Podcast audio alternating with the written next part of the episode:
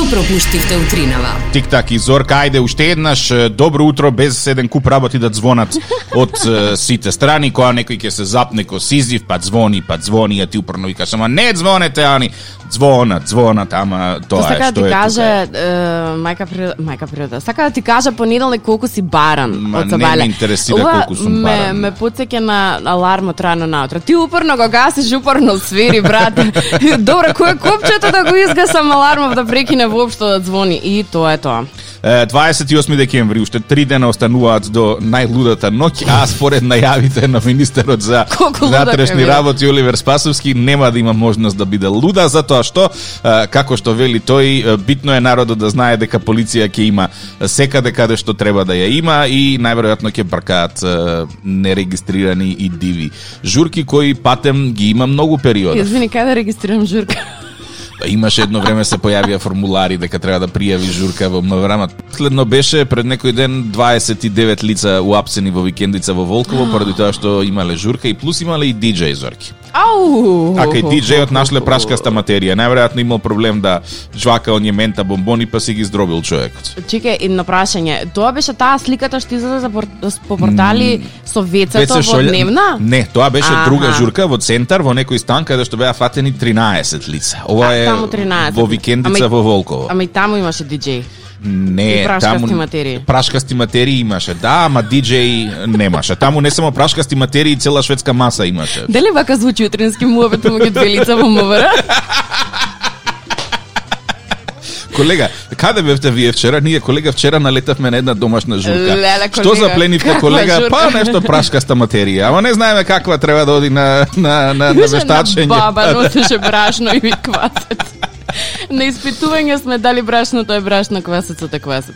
079-274-037 е телефонот на кој што можеш да се јавиш и да побараш роден ден, а на Facebook и на Instagram сме Тик-так и Зорка. Родендени за денес официјално нема, да не ги да ни е, надливаме лажна надеж на слушателите, нема, уште од понеделникот се потрошија, веќе немам картички да давам за роден ден. Значи барете вторник, е, среда евентуално. Или четврток. Четврток, да. За четврток дали веќе знаете дека ќе се дружиме малку повеќе од вообичајното? Од 8 до до 12. Како е што јас би рекла да на биде 31 журка. јануари. Има да биде журка, има да грми и да вее и како снегот ништо не е. there. Вау. Барем да ја да ја претуркаме оваа старата 2020, па после што ни дае е, мастерот во Господ, 2020 и, и, и, и прва. Е, 7.40 надворе е магливо и студено, најверојатно. Магливо, но може слободно да возите до вашата предвидена точка. Нема онаква магла каква што имавме минатата недела, така што сепак мора да возите внимателно, но маглата не е на оно ниво на кое што беше минатата недела, па беше невозможно да се стигне до наму каде што сте тргнале. Ако на вашиот пат времето е поинакво или имате многу поинаков поглед од оној кој што го имаме тука ние во моментов магла и сивило, слободно може да ни пратите слика или видео на една од нашите социјални мрежи, односно една од акаунтите на нашите социјални мрежи, тоа е на Facebook, најдете на како Тик-так и Зорка или на Instagram исто така како Тик-так и Зорка. Работите одат вака, ако ни пратите временска ситуација која е полоша од нашата, Не објавувам. ќе ве ругаме, ако пратите временска ситуација која е подобра од нашата, Ќе ќе се созалу... ќе се сожалуваме А, самите себе. Не. Океј, онда ќе објавиме ако е многу подобро од нашата.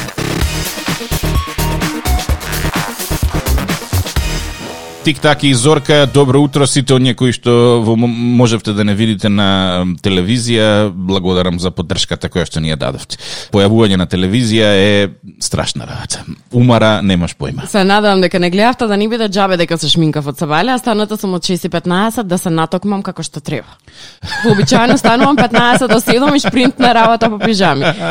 Утринава не беше баш така и се надевам дека тоа вие го забележавте. Ако го забележавте, не сликнавте или не снимивте, Леле, А, да. Маријан Ивановски пратил некоја фотографија од некој автопат на кој што има сонце. Најверојатно е некаде на кај пат кон е, Гевгелија, а Битола и Демир Хисар и таму е сончево.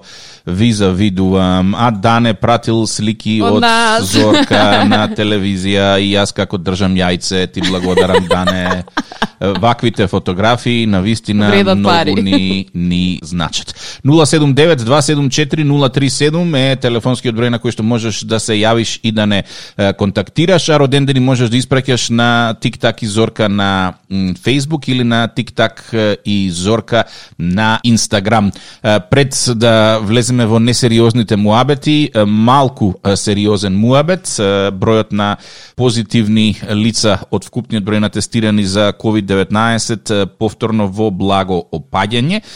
Вчера, иако имаше мал број на тестови, околу 20 34% од вкупниот број на тестирани беа позитивни во бројки 296 позитивни теста, 511 оздравени пациенти, а 58 лица починале. Во проценти од вкупниот број на тестирани тоа е околу 20 сега ќе ти кажам веднаш точно, 23%, што значи дека аро факторот е намален, меѓутоа тоа што ќе се случува наредниве неколку дена со предстојниве празници пред нас и те како ќе влијае на тоа каква ќе биде ситуацијата таму некаде во првата и втората недела од јануари.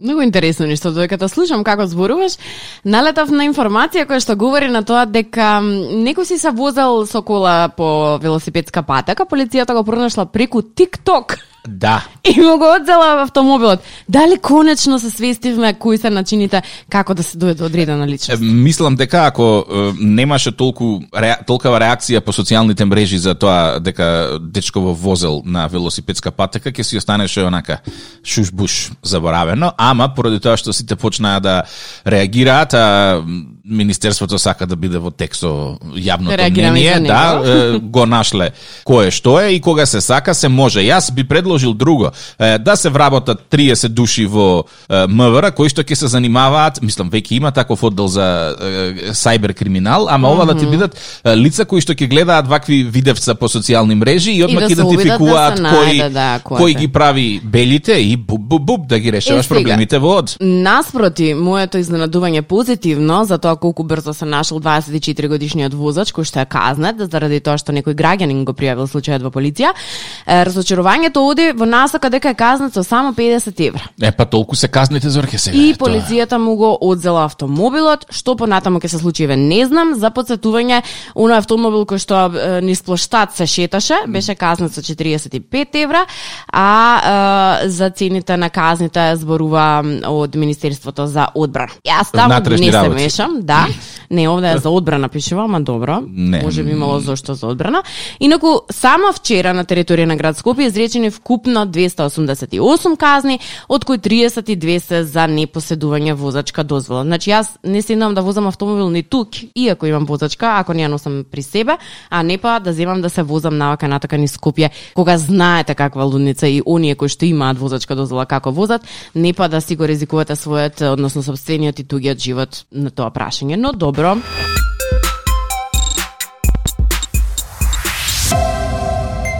Овие фотографии што ни ги праќате за тоа кај се ноѓето утринава, некаде од интернет ги извадивте или на вистина таму се ноѓето? А, на вистина таму се ноѓаат Скопје во котлина и затоа магла утринава. Што да ти кажам?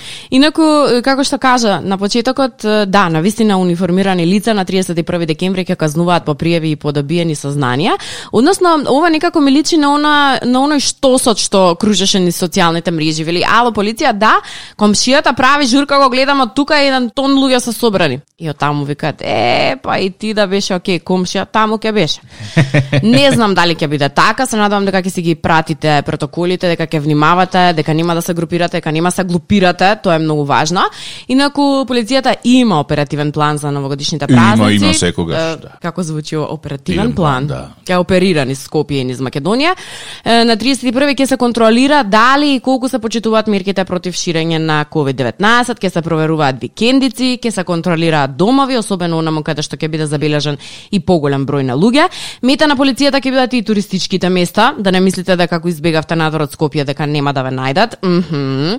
Униформирани лица ќе има дури и по булеварите и по улиците низ државата. Од таму велат дека со предходна дојава, секој од објектите на кои што ќе биде забележан или пријавено дека има журка или прослава, со налог од јавен обвинител ќе можат веднаш да влезат, а министерот за внатрешни работи најави дека ќе има казни за сите оние кои што нема да ги почитуваат мерките. И наместо да седат сите да празнуваат, некој ќе мора да работи за да ги чува и брани несовесните граѓани од самите себе. Е, на таа тема, јас скоро секоја нова година бев на работа. Да? Можеме да ти кажам и на работа. Им се журкаш, им работиш, сите се весели насмејани, нема никаков проблем. Например, јас е, низ младоста, кога сум работела по кафичи и дискотеки, секогаш се нафаќав за нова година да бидам насмена. Дупла дневница, Зорке? Дупла дневница, Така пак е. си таму во збиднувањето, не мора да се замараш што ќе носиш, униформа имаш, значи мора да ја носиш униформата. Тоа А, тоа. ама не, а и друго па да ти кажам, ти на, на брод, па нова година, како ќе славиш на брод? Па славев. Работиш до е, 10.30, 11 некаде, во 11 на брзина ја склопуваш позадината, удиш викаш срекна нова година и толку е. Тоа ти е прославата. И ако на некој му текне да се слика на полнок точно? Ме нека се слика, што да му правам. Ама, ако сака фотограф. И па сега фотографот отишол горе срекна нова година, Е, каже, па, Белким, не, не е толку зор од 5 до 12 да се сликаш. А може и е, не знам. Е, уште едно сонце. Маринко го, го... Кај ми е сонцето утренава, на здраве, жива вистина. Каде ми е сонцето утренава? Ќе се појави тука околу нова година и потоа ќе го, Ќе го снема, да, да. Прогнозата не е баш најдобра. Е, за денеска имаме многу е, родендени, И имаме нешто што ќе биде одговор на прашањата кои многу често го добиваме, а тоа е, е како бе добивате идеја за родендени? Добра. Како добиваме идеја за родендени, ќе ти кажам за 7 минути кога и ќе го правиме првиот роденден за денеска. Остани тука.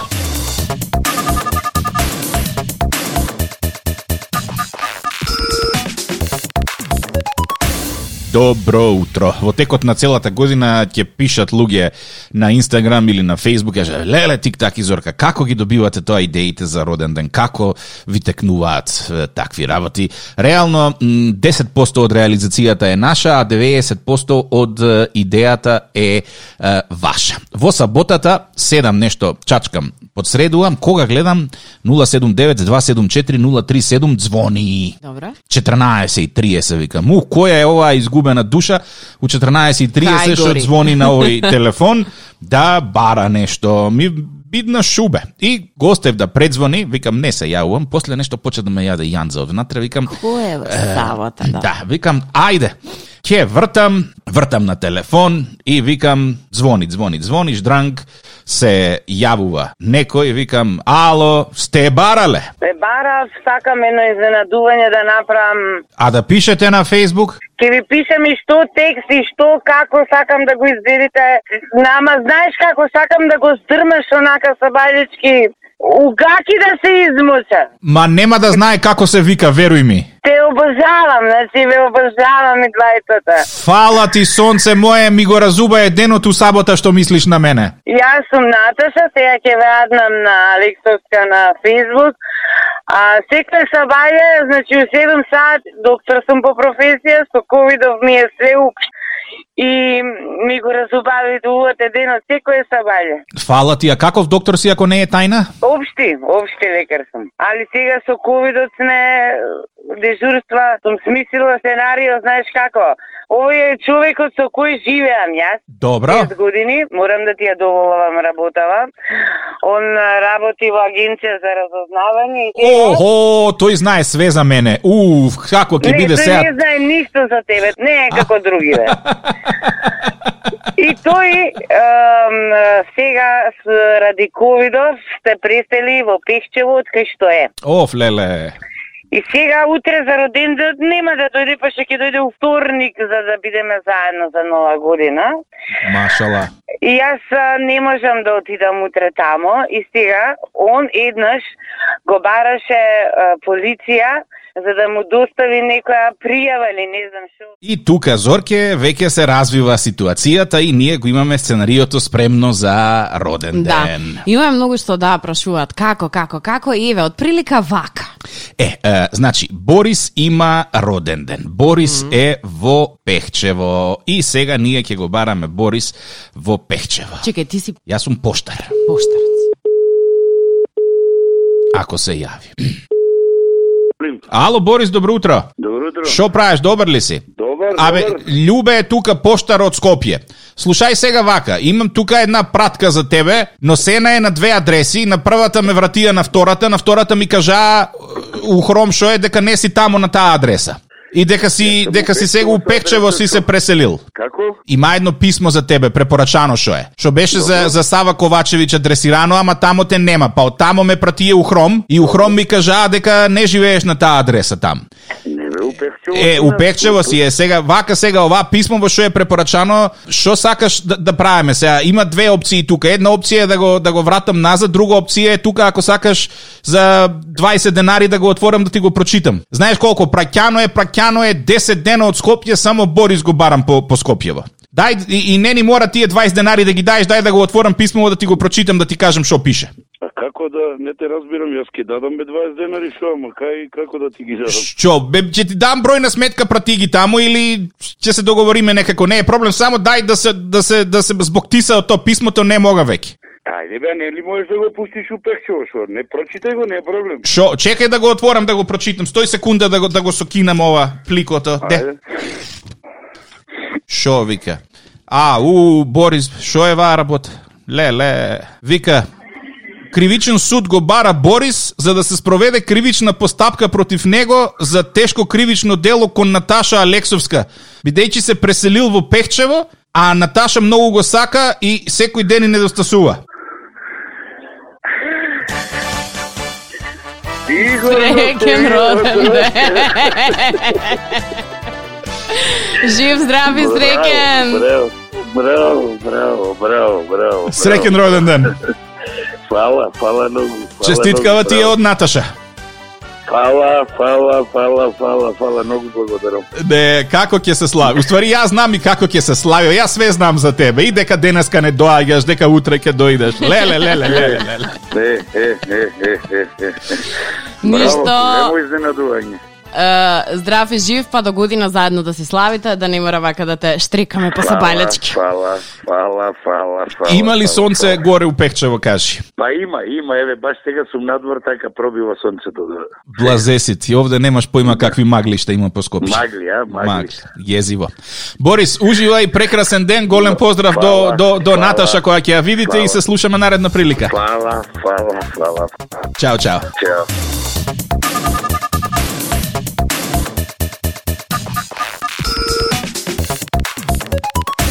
Доколку размислуваш што и како со најмалите, нешто интересно ќе се случува во Скопска зоолошка, а добро е. Што? Е, имав повторно потреба нака да кивнам алергиски. Ма ја Не знам од да како- размислам дека на мене нешто стана алергичен после година дина дружба. Толку зорке, толку треба организмот да се засити на некои дразби и потоа да, да, да развие реакција, мислам. Еве, од сабајле гледаш се- како кивам. Да, да, до сега се воздржуваше, веќе не можеш да се воздржуваш, јасно ми. е. Традиционално трета година поред во зоолошката градина во Скопје се одржува новогодишната зообајка. Оние кои што претходно имале можност да присуствуваат на истата знаат за што станува збор. Во бесед на новата година најмалите ќе имаат можност да уживаат во детска представа, нешто што оваа година нема можност да го погледнат, а потоа и е, во доаѓање на Дедо Мраз со волшебното вовче. Го знаеш вовчето? Не. Вовчето Имавме- Киро го знам. именно вовче во, во зоолошка градина, од кога ќе прочиташ целата зоолошка градина, нели деца, ајде да се повозиме на вовчето. И Добро. тоа ти е замка. Ако почнеш еднаш да се возиш, не си одиш во следните па два, два и пол часа. Сериозно? А тоа чини, секое седнување чини, така што ако одиш, носиш комшиски деца, твоите се више големи. Деца од роднини пријатели, никако не седнува на вовчето. Ајде ќе видиме тоа. Од искуство ти зборам, знам. Бев пократка за едно 500-600 денари. Ам, Уу, скапо тоа задоволство. Ма не е скапо, ама може да замислиш колку пати ако два сати се возевме, колку пати се качевме. А, и тоа е Многу било забавно. Така Е, велат децата? Сите деца да ќе добијат инаку по- подароци пакетчиња, влезот си останува ист како што си беше и предходно.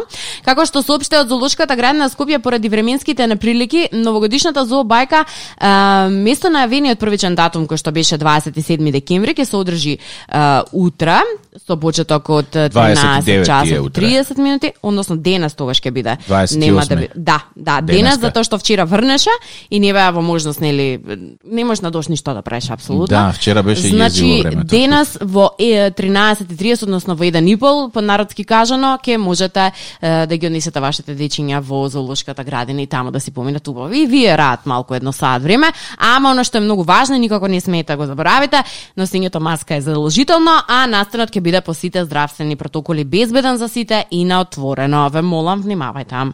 А, имаме роден ден. Денес имаме многу роден. Аман, бе. Дарко а, го честита роден денот на својата сопруга која што а, работи во маркет. А, м, Кравја маст е специјалитет таму Зорке. Што, што, што? Кравја маст. Тоа се ја јаде, се мачка? Се користи за правење благи работи. Ха, Е, ние мора за може за мачкање да бараме. ајде, Нешто вртиме како свинска кај маска, света боли па се. кај кај Дијана вртиме. Имаш искуствена свинска маска? Да, како дете цело време ме мачка. Ало, Ало Дијана, добро утро. добро утро. Како сте? Добри. Е, така, да, да, да ви понудиме со работка, дали сте можда заинтересирани? Зашто? Да, да продавате кравја маст. Ние сме производители на, на месо, имаме фазла вишок маст што останува, па бараме некој да, да ја продава. А, не, не сме заинтересирани. Зошто? Ама добра цена ќе ви дам, 50 денари кило. Не, не. Не, добро. Не. Добро. Ајде, А, добро. че уште нешто само да ви кажам, може? Ајде, повели. Знаеш кој ден е денеска? Да, понеделник, А датум? 28. И што се случило на 28 декември? Не знам. Бе, Среќен роден ден! Ало? Тука си? Дијана. Сре... Значи, ни се случило да добиеме корпа пред да кажеме среќен роден ден, ама откако ќе да кажеме среќен се роден ден. О, вау. Сега сопругот дома. Леле, леле, леле, леле. Дарко, спреми се за, за демидж контрол. Ама да, ние не ни кажавме дека Дарко Па, честита. Он да си направи демидж контрол по дома пред да Аха, биде аха, доцна. Среќен роден ден Дијана, наредна година се надевам ќе те добиеме.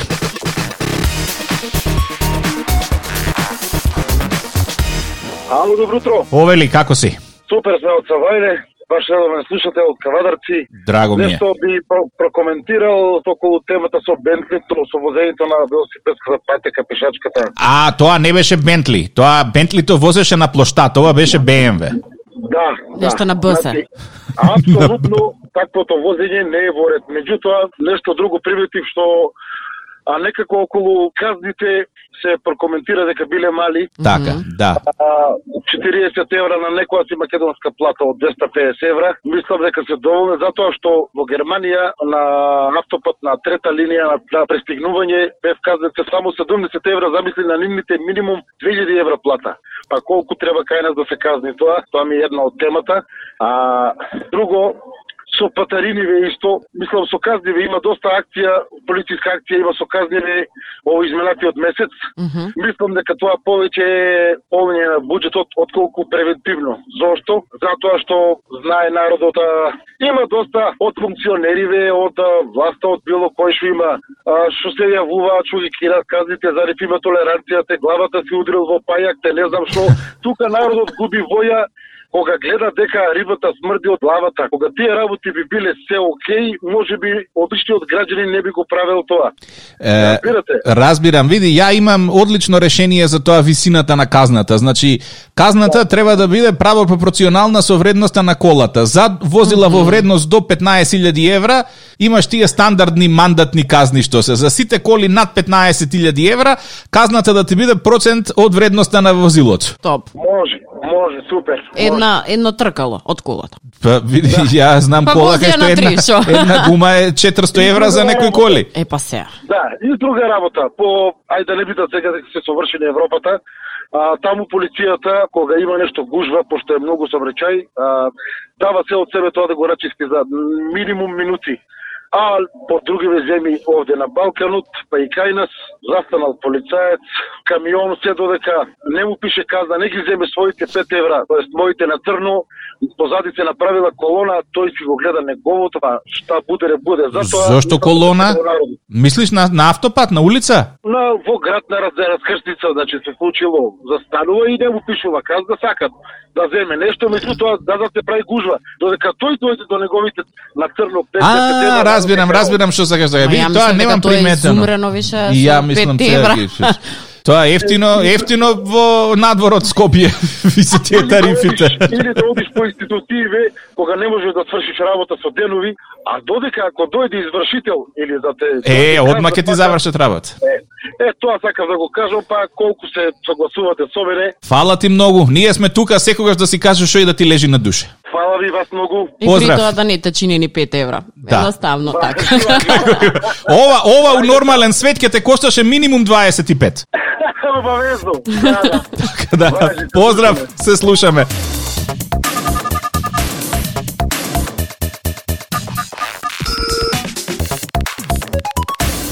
Имаме уште два родендени за денеска.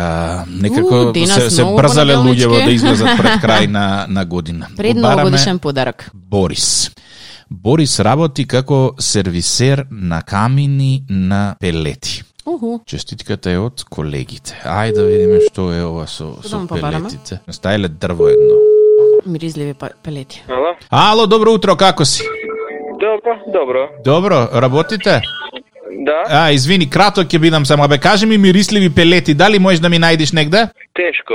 Зошто? Не се наоѓаат такви. А да се прсне со парфем на пелетите па да горат после? Можи, можи. Е, може, така ќе направиме. Како? Среќен роден ден. Фала ви, фала ви многу. Добро, дали друг барал вакво нешто? Не, Не, не позна. Честиткава ти од Да. колегите и од Дејан. Да. Како ќе се слави денеска? Домашно. Охрид шо имат сонце или магла? Има ти едно, ама и друго има. Е, и вие како како тука во Скопје, а тие пехчево, делчево, што се сонце се растурија. Дејан, има и убав ден, убаво да си поминете со со семејството. Поздрав до до колегите и ќе се чуеме наредна година со тебе. Важи, пријатен ден. Фала ти, чао чао. Ајде, чао, чао. Каква добра бизнис идеја е. Што, пелети со мирис? Сите нудат пелети, ама ние нудиме пелети со мирис. Сакате со мирис на бор, со мирис на е, Знаеш ванила. какви какви пелети би сакал? Значи имам Чекај, некоја пелети се или палети? Појма нема, ова е машка работа. Пелета е тоа што гори, палета е тоа дрвеното на кое што чуваш роба. Аха, добре. Сакам е, пелети или дрва кои што кога ќе ги гориш, ќе даваат мирис на пита со јаболка и цимет. Добро. Ја би сакала на ванила да мирисат, ама ете. Или на или на ванила, Или на значи може кокос. ванила, јаболка и цимет. Е, сега и не свес да паднеш, не. А у замисли. Зорке си доаѓаш дома после мако трпен долг ден на работа и Како нашиот мако трпен долг на работа да, од два и ти часа. мириса дома на на печена пита со јаболка, цимет и ванила. 120 кила, добро утро. На Радио 2, секој работен ден од 7.30. Будење со Тик-так и Зорка. Во случај на неконтролирано смеење и симптоми на позитивно расположение, консултирайте се со вашиот лекар или фармацевт.